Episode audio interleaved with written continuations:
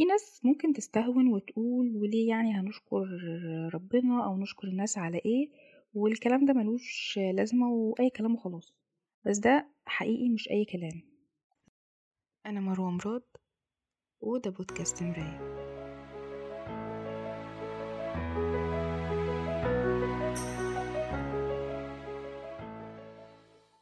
أهلا بيكم في الحلقة التانية من الموسم الأول لبودكاست مراية.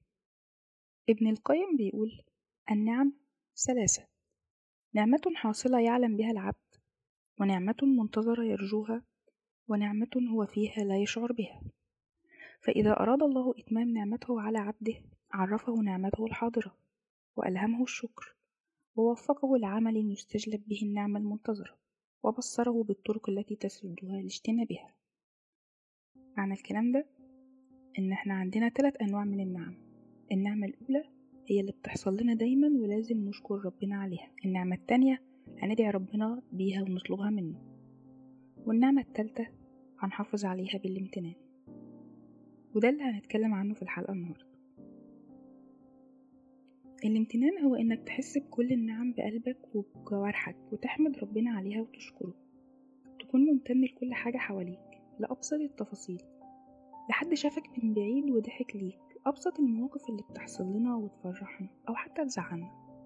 نكون ممتنين ليها ونشكر دايما ربنا عليها. في دراسات وتجارب أمريكية كتيرة بتقول إن الامتنان والشكر طاقة وهي أعلى طاقة في الترددات بعد طاقة الحب وليها أثر إيجابي قوي جدا على اللي بيمارسها وبيخليها عادة عنده. ذبذبات الامتنان بتسبب زيادة طاقة الدماغ الإيجابية وده بيخلينا عندنا إبداع أكتر وإنتاج أكتر ونشاط وكمان بيزود قوة الجهاز المناعي. في ناس ممكن تستهون وتقول وليه يعني هنشكر ربنا أو نشكر الناس على إيه والكلام ده ملوش لازمة وأي كلام وخلاص. بس ده حقيقي مش أي كلام. قلبك عمره ما هيكون في رضا وسلام نفسي وحزن واكتئاب في نفس الوقت. يا حزن وسواد وشايف الدنيا مقفلة يا هيكون رضا بالقدر وطمأنينة وبتبص لنص الكوباية المليان وده بالظبط اللي بيعمله الامتنان. الامتنان هو الطريق للتأقلم مع الحياة تحت أي ظرف أو موقف صعب سواء مشكلة حزن فرح. لو فعلا الامتنان نابع من قلبك هيكون عندك الرضا بقضاء ربنا. المشكلة اللي بتخلينا ما نمارسش الامتنان أو حتى ناخد بالنا منه هي فكرة الاستحقاق. إن النعم اللي أنت فيها دي خلاص مفكر إن هي دي حقك وإنها هتفضل معاك ومش هتروح منك. وده اللي حسينا بيه وتعلمناه من أزمة كورونا. أكتر حاجة الناس حست بيها وتعلمتها من محنة كورونا هي إن النعم البسيطة اللي إحنا مش حاسين بيها ممكن تروح في ثانية. النفس اللي بناخده بكل سهولة ممكن يبقى صعب علينا ونتألم وإحنا بنتنفسه. الشغل اللي موجود ممكن يروح في ثانية والدنيا تقفل وتقعد في البيت. الروتين البسيط إنك تنزل وتخرج عادي ما بقاش عادي. كلنا حسينا فعلا بده في عشرين عشرين وقت الكورونا. أهم درس اتعلمناه منها إن دوام الحال من المحال. الكورونا محنة وكل محنة فهي منحة لازم نتعلم منها. ونقول ستوب إحنا في نعم كتير مش حاسين بقيمتها ومفكرين إنها حقنا وهتفضل معانا. أي موقف أو مشكلة بنمر بيها بنبصله من منظورين يا بعين النقص يا بعين الرضا. يا بنتضايق وبنبص للجانب السلبي يا بنرضى بيها وبنفكر فيها وبنبص للجانب الإيجابي. والامتنان هو اللي بيخلينا نبص بعين الرضا للمشكلة دي ونرضى بقضاء ربنا ونفكر فيها فعلا بنظرة إيجابية. الامتنان بيعلمنا إزاي ناخد بالنا من التفاصيل الصغيرة ونستمتع بالرحلة. إزاي نتأمل الحزن ونتعلم منه ونتخطى المواقف الصعبة ونكون ممتنين للحظات اليأس والإحباط. عشان بسببها مش هنحس بلحظات السعادة.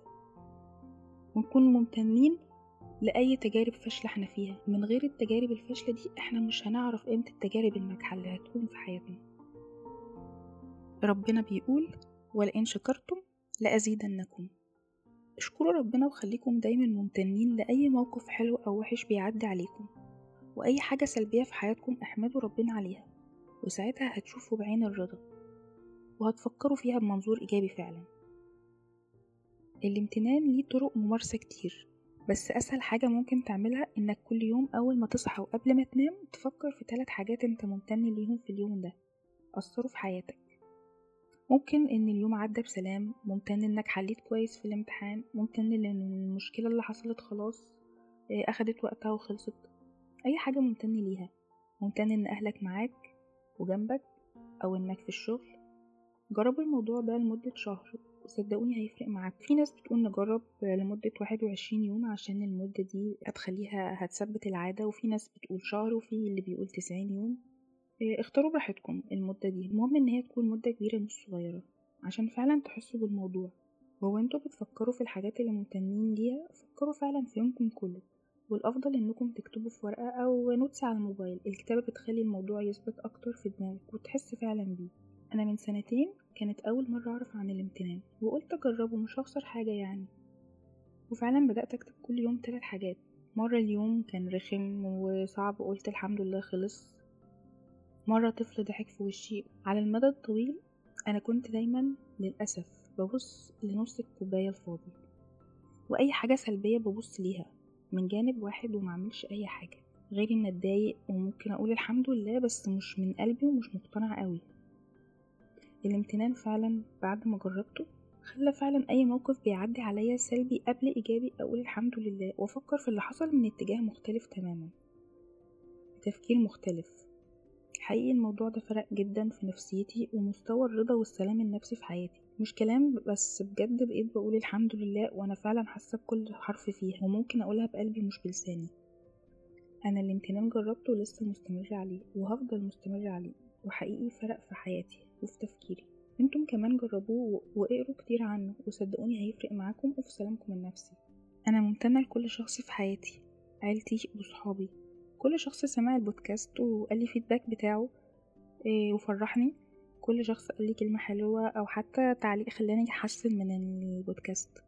ممتنة ليكم وأنتم بتسمعوا البودكاست دلوقتي. بجد شكرا من قلبي وحقيقي دعمكم وحبكم وصلولي ويا رب دايما يكون عندكم رضا وسلام نفسي مهما كانت الظروف اللي بتواجهوها وتحديات الحياة. أنا مروة مراد وده بودكاست مراية.